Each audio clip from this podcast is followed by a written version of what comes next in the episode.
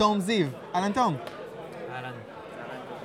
אה, תום, אני נתקלתי בך כשדיברתי עם אה, אדם חכים מזווית אחרת. בוא תספר לי קצת על עצמך ומה אתה עוסק. אז אה, מלבד העובדה שאני כרגע באקדמיה, בתוכנית לדוקטורט ביחסים בינלאומיים, אני גם מנהל... וואו, דוקטורט? ארדקור. אה, למי שאוהב את זה, זה כנראה יותר קליל וזורם ונעים. אוקיי. מלבד זה אני עושה גם דברים שקשורים לחברה האזרחית, אני מנהל תוכן ועורך באתר זווית אחרת עם אדם חכים. אני מנהל את תוכנית אקסודוס לחשיבה ליברלית קלאסית ושמרנית, ואני חבר בוועד המנהל של עמותת תחרות. עמותת תחרות, עם אלון תובל. נכון. נהדר. אה, תספר לי משהו על אקסודוס. לא, לא, אתה לא לא צריך להפנות את המיקרופון, יש לי פה את הקטן הזה פה, אז אה, we're good. תספר לי משהו על אקסודוס. אז אקסודוס זה תוכנית שרצה כבר ארבע שנים, תוכנית שהוקמה בידי סטודנטים בוגרי קרן תקווה. Uh, התוכנית שלנו היא תוכנית שמתחלקת לארבע יחידות, יחידה על מחשבה מדינית, כלכלה, אסטרטגיה וציונות, שהמטרה שלנו היא בעצם לקחת את כל ארבעת הנושאים האלה ולהעביר לסטודנטים מה יש לגישה הליברלית ולגישה השמרנית לומר עליהם. Uh, תוכנית שרצה כל השנה, 24 מפגשים. לכל מפגש יש את המורה שלו, מורים שגם אה, עברו הכשרה אצלנו, אה, וזה בעצם תוכנית לסטודנטים מצטיינים, כשהמטרה שלנו לייצר אה, שגרירים, שליחים, אנשים שמכירים לעומק את הרעיונות האלה ויכולים בעתיד לשלב אותם בעשייה הציבורית שלהם.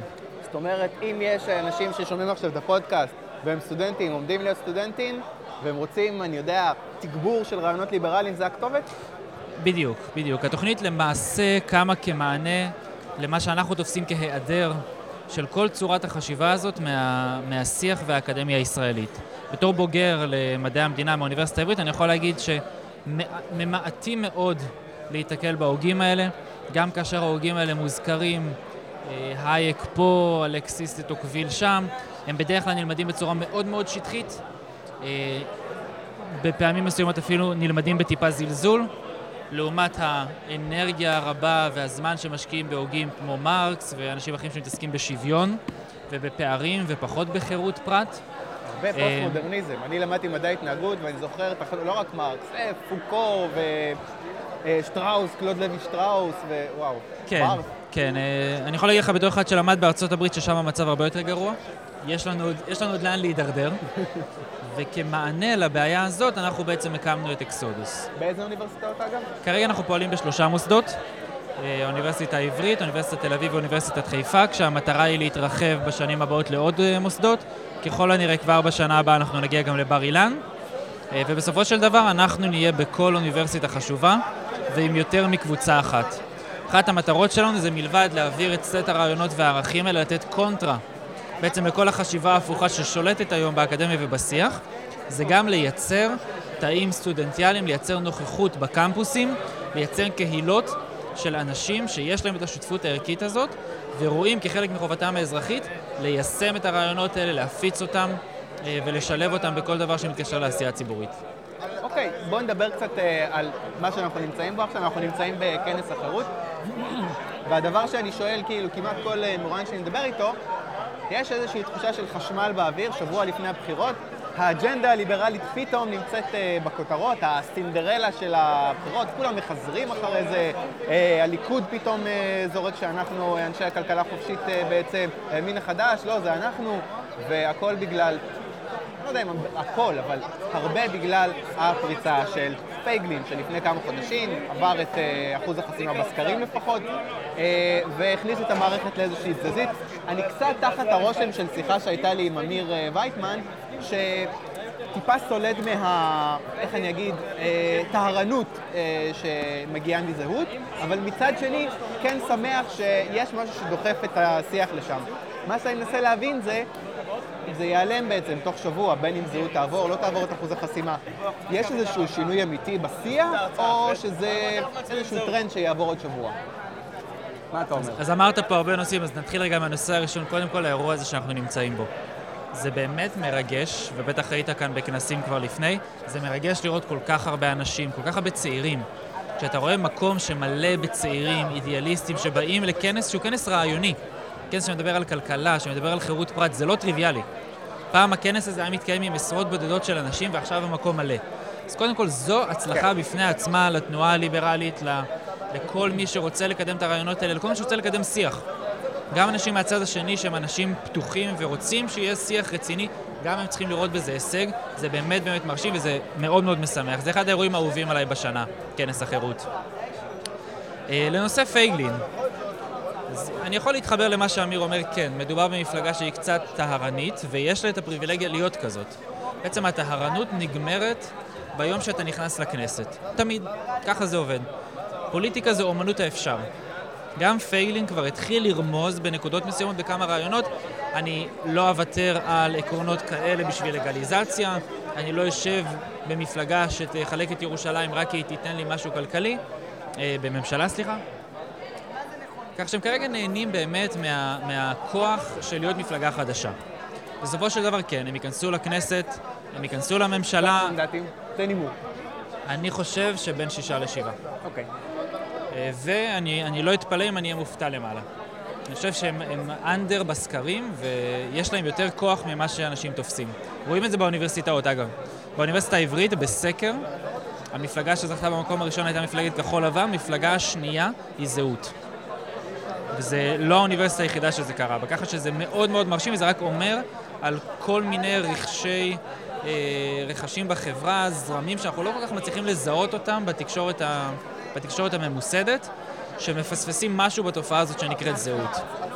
עכשיו, מעבר לעובדה שחשוב שיהיו אנשים, אני לא אגיד טהרנים, אבל אנשים שהם מאוד מאוד חזקים מבחינה אידיאולוגית בכנסת עם, ה, עם הקריאה הברורה הזאת, מה שהם עושים הם בעצם יוצרים תזוזה במטוטלת הרעיונית.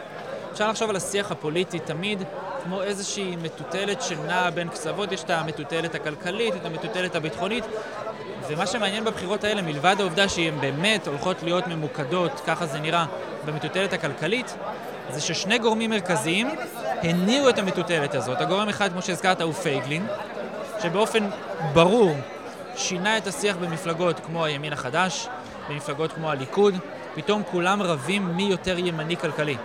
יש שלטי חוצות על איילון עם תמונות של פייגלין שקורא להילחם בהסתדרות, ושלטי חוצות מהצד השני של איילון עם איילת שקד מתחייבת לבטל את חוק השליש. עכשיו, זה שיח שלא היה קיים, ולפייגלין יש קבלות מאוד מאוד משמעותיות בזה שאנחנו בכלל דנים על הדברים האלה. Uh, הדבר השני שלדעתי הוא מאוד משמעותי ולא מייחסים לו מספיק חשיבות, זה הצטרפות של ניסנקורן לכחול לבן.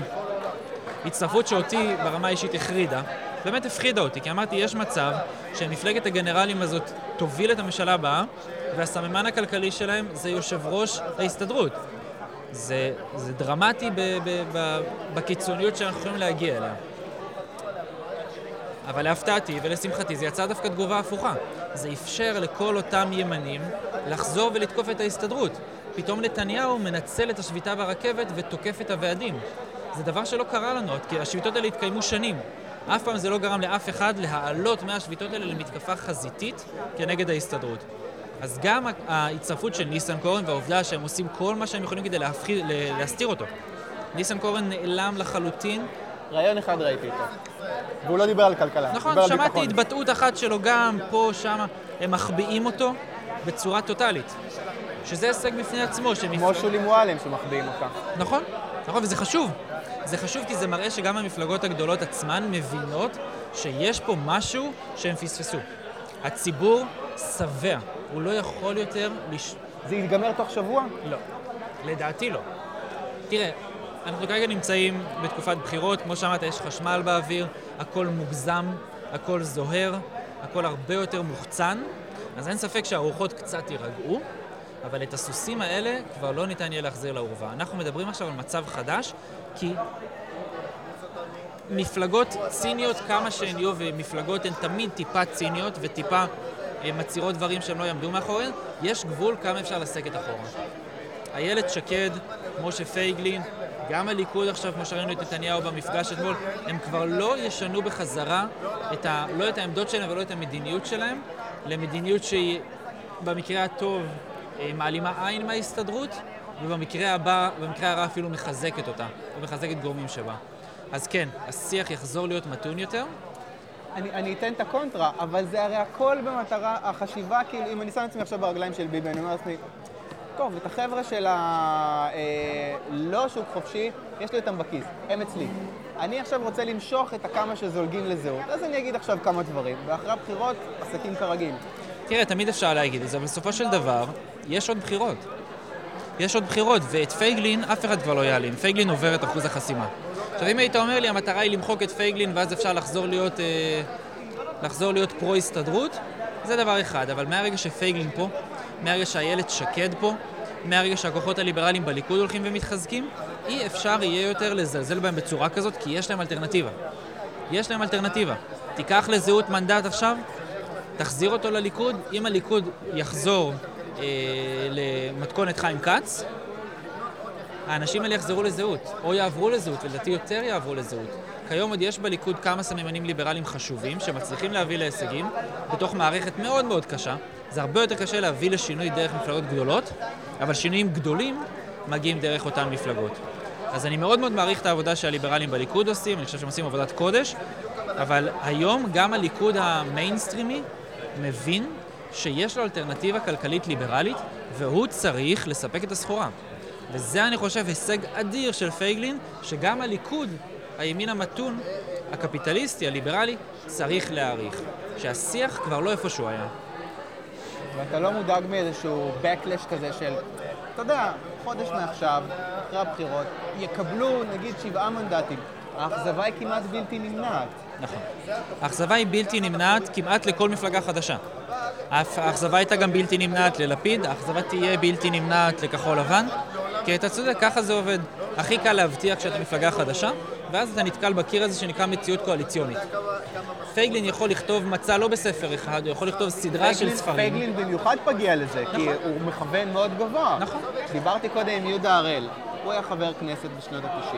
הוא ניסה דבר קטן, לקצץ בתקציב החינוך את הדבר הזה של מפקחים. כי איזשהו מנכ"ל אמר לו, תשמע, איזשהו פקיד אמר לו באוצר, תשמע, זה מיותר, הם לא עושים כלום. תוריד את זה ואף אחד לא ישים לב מהזה.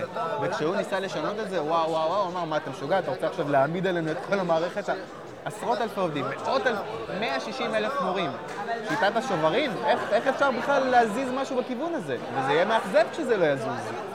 כן, אני לצערי הרב, אני אומר את זה בכאב לב, אני קצת סקפטי לגבי ההיתכנות של אה, יישום שיטת השוברים בקרוב. אבל יש גם דברים אה, יותר בסיסיים שאפשר לעשות, שיבנו את התשתית לשינויים גדולים בעתיד. לדוגמה, אם תחשוב על השינויים שאיילת שקד עושה. אם עכשיו היא תצטרך לעשות עוד איזשהו שינוי במערכת אה, בחירת השופטים, זה לא שמחר יהיה לנו בית משפט יותר מאוזן. לא. אנחנו נייצר תשתית לזה שבעוד עשר שנים, בעוד חמש עשרה שנים, אנחנו נגיע לאיזון, או לפחות נתקרב יותר לאיזון. ואותו דבר גם במערכת החינוך. דבר ראשון, להתחיל ולקעקע את רעיון הקביעות. בראש ובראשונה. לייצר מערכת, אפילו אם אנחנו לא מפריטים כרגע, אפילו אם אנחנו לא עוברים שיטת ואוצ'רים, להתחיל לייצר תחרותיות, אפילו בסקטור ההוראה בלבד. שמורים מצד אחד יתוגמלו על הישגים, ויתגמלו על כישרון ועל ההשקעה שלהם, ומצד שני, גם ידעו שאם הם לא יעשו את זה, כמו כל אדם אחר במשק, הם עלולים לאבד את העבודה שלהם. זה שלב התחלתי ובסיסי, לתת הרבה יותר חופש למנהלים, לבטל אזורי רישום. יש הרבה מאוד שלבים שאפשר לעשות, שכשנעבור אותם, הקפיצה לשיטת השוברים תהיה הרבה יותר הגיונית. עכשיו, כן, תהיה אכזבה מפייגלין. תהיה אכזבה מפייגלין וזה בלתי נמנע. אבל פייגלין יימדד לפי מה שהוא כן ישיג בסוף. כי פייגלין יצטרך לחתום על הסכמים קואליציוניים שהוא לא אוהב. אבל פייגלין יכול לספר לבוחרים שלו, ואם הם לא ילדותיים הם יבינו את זה, שבפוליטיקה, במערכת אה, דמוקרטית פרלמנטרית, עם משטר שהוא מבוסס על קואליציה, אתה עושה ויתורים. אתה עושה ויתורים. ואם הוא פוליטיקאי טוב, ואני חושב שהוא פוליטיקאי טוב, הוא יבוא לציבור שלו ויגיד להם, תראו חבר'ה, אני השגתי לנו את א', ב', ג', ד', ה', ו'. ז', ח', ט', הייתי חייב להתפשר. אני לא שלם עם זה. אני לא שלם עם זה וזה עצוב לי, אבל אני חייב את הוויתורים האלה בשביל הרווחים האלה. ואם הציבור בוחרים שלו הוא לא ילדותי, אני חושב שהוא יקבל את זה, ושככל שפייגלין יצליח לספק יותר קבלות חזקות בנושאים מסוימים, הוא ימשיך לקבל עוד ועוד מנדט, מה שיחזק אותו אלקטורלית, ויאפשר לו בעתיד להביא לשאר השינויים שהוא לא יצטרך להביא אליהם בבחירות האלה. אתה אישית, דרך איזה מהמפלגות אתה פעיל? אני בליכוד. אוקיי, למה ליכוד ולא זהות, הימין החדש? תראה, בעיקרון, אני אישית, יש לי גם תפיסה מאוד אה, אה, פרלמנטרית על איך דמוקרטיה פרלמנטרית נראית. אני חושב שצריך להתאחד למפלגות גדולות. חושב שלמפלגות אידיאולוגיות יש הרבה מאוד מקום בבניית השיח, אבל שבטווח הארוך שינויים גדולים נעשים על ידי המפלגות הגדולות. בסופו של דבר, פייגלין יביא להרבה מאוד הישגים, אני מאמין, אבל כשאנחנו נצליח להחזיר את הליכוד לערכים הליברליים שלו, אז תגיע המהפכה הליברלית האמיתית. כשהמפלגה הכי גדולה בכנסת, עם 30 ומשהו מנדטים, היא מפלגה שיש בה רוב ליברלי, מדינת ישראל תתחיל לצעוד בצעדים גדולים לכיוון ליברלי. ואני לא נגד זהות, אני חושב שזהות צריכה להיות בכנסת, אני רוצה שזהות תהיה בממשלה. זה שני מאבקים חשובים ומקבילים. לא, אני חושב שמישהו שפעיל ליכוד, אני בטוח שיש כמה חבר'ה, אני לא יודע אם אתה פעיל בליברלים בליכוד, אבל הליברלים בליכוד מסתכלים עכשיו על זהות. קצת גנב להם את הרעם, זאת אומרת, הייתה להם הצלחה כזאת או אחרת אה, בפריימריז, פתאום מגיע פייגלין, לוקח את כל התשומת לב. וואלה, בוחרים אה, בורחים לזהות. האנרגיה הולכת לשם. זה מבטל את הליברלים בליכוד? אני לא חושב שזה מבטל את הליברלים בליכוד, ואני חושב שגם הנתוני התפקדות של הליברלים בליכוד מראים שזה לא מבטל אותם. אני חושב שלמרות שאנשים תופסים מהפוליטיקה משחק סכום אפס, היא לא. פוליטיקה היא דבר הרבה יותר מורכב. אם אתה מסתכל אך ורק על, לצורך הדיון נדמיין, 100 אלף ליברלים, לאן הם יצביעו, זה כן משחק סכום אפס. אבל עצם העובדה שיש גם את פייגלין, ויש גם את הליכוד, ויש גם את הימין החדש, ששלושתם בשיח מי יותר ליברלי, השיח הזה עולה לציבור. השיח הזה חושף את הרעיונות האלה לציבור, ובבחירות הבאות אנחנו לא נריב בין שלושת המפלגות האלה על 100 אלף ליברלים, אנחנו נריב על 150 אלף. נריב על 150 אלף כי פתאום השיח הזה נהיה חלק ממה שהציבור בישראל מדבר עליו, חלק ממשהו שהציבור בישראל מבין אותו. הוא עד עכשיו לא ידע שמתקיים בכלל שיח כזה. רוב האנשים בישראל לא יודעים מה זה ליברליזם. הם לא מבינים מה זה אומר שוק חופשי. מבחינתם יש איזה מין חיבור אוטומטי בין המילה קפיטליסט לחזיר, ולשבת מול אדם שחושב שזאת הנחת היסוד שלו, אתה צריך לשבת איתו 45 דקות, שעה ולפעמים יותר, בכלל בשביל להתחיל לנקות אותו מהמושגים האישיים, בכלל להתחיל לדון. יכול להיות שאחרי שננקה את הכל נגלה שהוא סוציאליסט בתפיסתו. אבל בכלל בשביל לנקות את זה, בשביל להתחיל את הדיון ממקום ניטרלי, כבר עכשיו אנחנו צריכים לעבוד מאוד קשה. ככל שהשיח הזה יהיה יותר נפוץ בפוליטיקה ובתקשורת בהתאם לכך, הדיון יתחיל ממקום הרבה יותר טוב, והקהילה הליברלית תוכל להרחיב את עצמה בצורה הרבה יותר גדולה. ואז אנחנו, שוב, לא נריב על אותם 100 אלף מנדטים, 100 אלף קולות, אנחנו נריב על 200 אלף קולות. אני מנסה לחשוב כבר על השלב הבא בשיח. אני אומר, בהנחה שיש דריסת רגל מסוימת לזהות ולרעיונות הליברליים, אני כבר רואה את זה קצת, וכמה שמדברים על זהות שהם טהרנים, הם עדיין לא שם, אבל נגיד שאתה מאתגר אותם עם שאלה כמו, בואנה, אתם באים עכשיו להפריד שירותי רווחה, מה אם לדאוג לעניים ולחלשים וזה, והם קצת uh, מתבלבלים uh, בתשובות שלהם. אני חושב לעצמי, אולי יש פה קצת עניין כזה של אנשים עוד לא מבינים באמת מה זה אומר, כאילו, הרעיונות של פייגלין, וברגע שהוא ייכנס ואנשים יתחילו להבין שזה לא לגליזציה, אלא זה, שזה שוק חופשי, שזה אומר, וואלה, כן, לצמצם קצת את הגודל של המנגנון האדיר הזה של המדינה, זה ישר יתורגם לשיח כזה של זהות. ליברלים בליכוד, כל המחנה הזה, שונאים את העניים ואת הקשישים ורוצים לעשות את ה... קודם כל, אני חושב שזה השיח היום. אני חושב, שזה, אני חושב שזה השיח היום, אבל אני חושב שככל שהרעיונות האלה ינוסחו, ואגב, זה מה שאנחנו מנסים לעשות באקסודוס, מנסים לעשות את זה בזווית אחרת, ככל שההבנה הבסיסית של מה אומר להיות ליברל בכלל. אף ליברל כמעט לא מדבר על המדינה של נוזיק, על מדינת שומר הלילה. תקרא את הייק, תקרא את מילטון פרידמן. אף אחד מהם לא מדבר על מערכת שאין בה שום רשת ביטחון.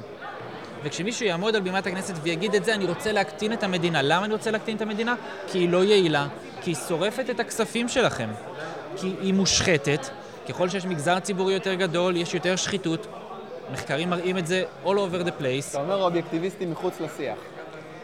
אני חושב שאובייקטיביסטים, כבודם במקומם מונח כפילוסופיה, אני לא חושב שיהיה להם דריסת רגל משמעותית אה, מבחינה אלקטורלית. אני לא חושב שאנחנו שם, וזה בסדר. אני חושב שמדינת ישראל היא קילומטרים משם. אנחנו צריכים קודם כל להתחיל מהבנה בסיסית של מושגים. מה זה אומר ימין כלכלי, מה זה אומר שמאל כלכלי. כמו שאתה אומר, האם ליברל הוא שונא עניים, או שליברל רוצה שיהיה שוק חופשי ושמוצרי יסוד יעברו להיות במחירים של אירופה כדי שעניים יוכלו לרכוש אותם. בסופו של דבר, כשמחיר הקוטג' עולה, כי אין תחרות, וכשמחיר החלב עולה כי אין תחרות, וכשפירות וירקות יקרים כי אין תחרות, מי סובל מזה? שרי אריסון? מי שסובל מזה זה החלשים ביותר בחברה. עכשיו, לשמאל יש מנגנון מאוד מאוד מוזר. הוא מצד אחד רוצה מחירים גבוהים, כי הוא לא רוצה תחרות, ומצד שני הוא אומר, אבל יש הרבה עניים, אז ניתן להם כסף. ואז נותנים להם כסף, את הכסף הזה הם מבזבזים על מוצרים הרבה יותר יקרים, במקום לבטל את שני החסמים האלה, ולאפשר להם הרבה יותר עצמאות. לאפשר להם גם שיהיה להם יותר קל לעבוד ולהרוויח, וגם שהכסף שלהם יהיה שווה יותר. כשמסבירים ככה ליברליזם, פתאום נעלמים די בקלות כל הטיעונים על שנאת עניים, אתם רוצים לראות אנשים מתים ברחובות מרעב, ובינינו, אמפירית, איפה שאנשים מתים מרעב זה איפה שיש שמאל כלכלי, לא ימין כלכלי. אני כן רוצה, זה, זה, זה, אני כן רוצה להכניס אותנו למקום uh, קשה קצת, בוא נתווכח קצת. יאללה. אני כן קצת אובייקטיביסט, ואני שואל את עצמי, כמה קשה להחדיר לשיח את הרעיון הזה של רווחה יכולה להיות ברמה קהילתית. אתה חושב שזה רעיון הזוי שאין לו אחיזה במציאות? אני חושב שזה רעיון מדהים מבחינה רעיונית. אני באמת מאמין שככה אנחנו צריכים להתקיים. אני מאמין שיש לנו אחריות חברתית. חברה חופשית יותר היא לא חברה נדיבה יותר? אני חושב שכן. אני חושב שחד משמעית כן. אבל אי אפשר למכור את זה? הברית... רגע. אני חושב שארצות הברית היא הדוגמה הקלאסית לזה. הברית היא המדינה הכי קפיטליסטית בעולם, ויש שם אחוז תרומות מאוד מאוד גבוה. אה, כל הפילנטרופיה הברית היא הרבה יותר מפותחת מבישראל, וזו המדינה הכי קפיטליסטית שאנחנו מכירים, וזה לא מקרה. זה לא מקרה, ושוב, אם נחזור לטוקוויל ולהייק, רואים איפה שהמדינה יוצאת, האחריות חוזרת לאזרחים. האחריות חוזרת למשפחה, האחריות חוזרת לשכנים, האחריות חוזרת לקהילה.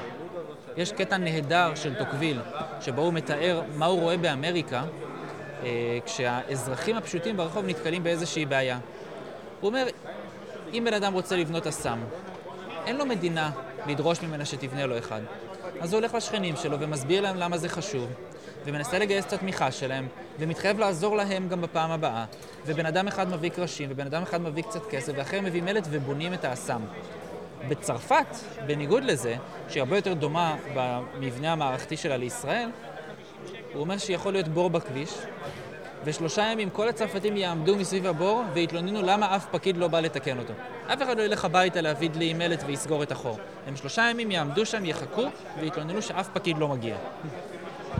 כשאתה מתחיל ממערכת כמו המערכת האמריקאית, הרבה יותר קל להעביר את הרעיונות האלה. ואגב, זה לא רק רעיונות אובייקטיביסטיים, זו גם הגישה השמרנית הקלאסית. להחזיר את הדברים לקהילה, להחזיר את הדברים להיות וולנטריים.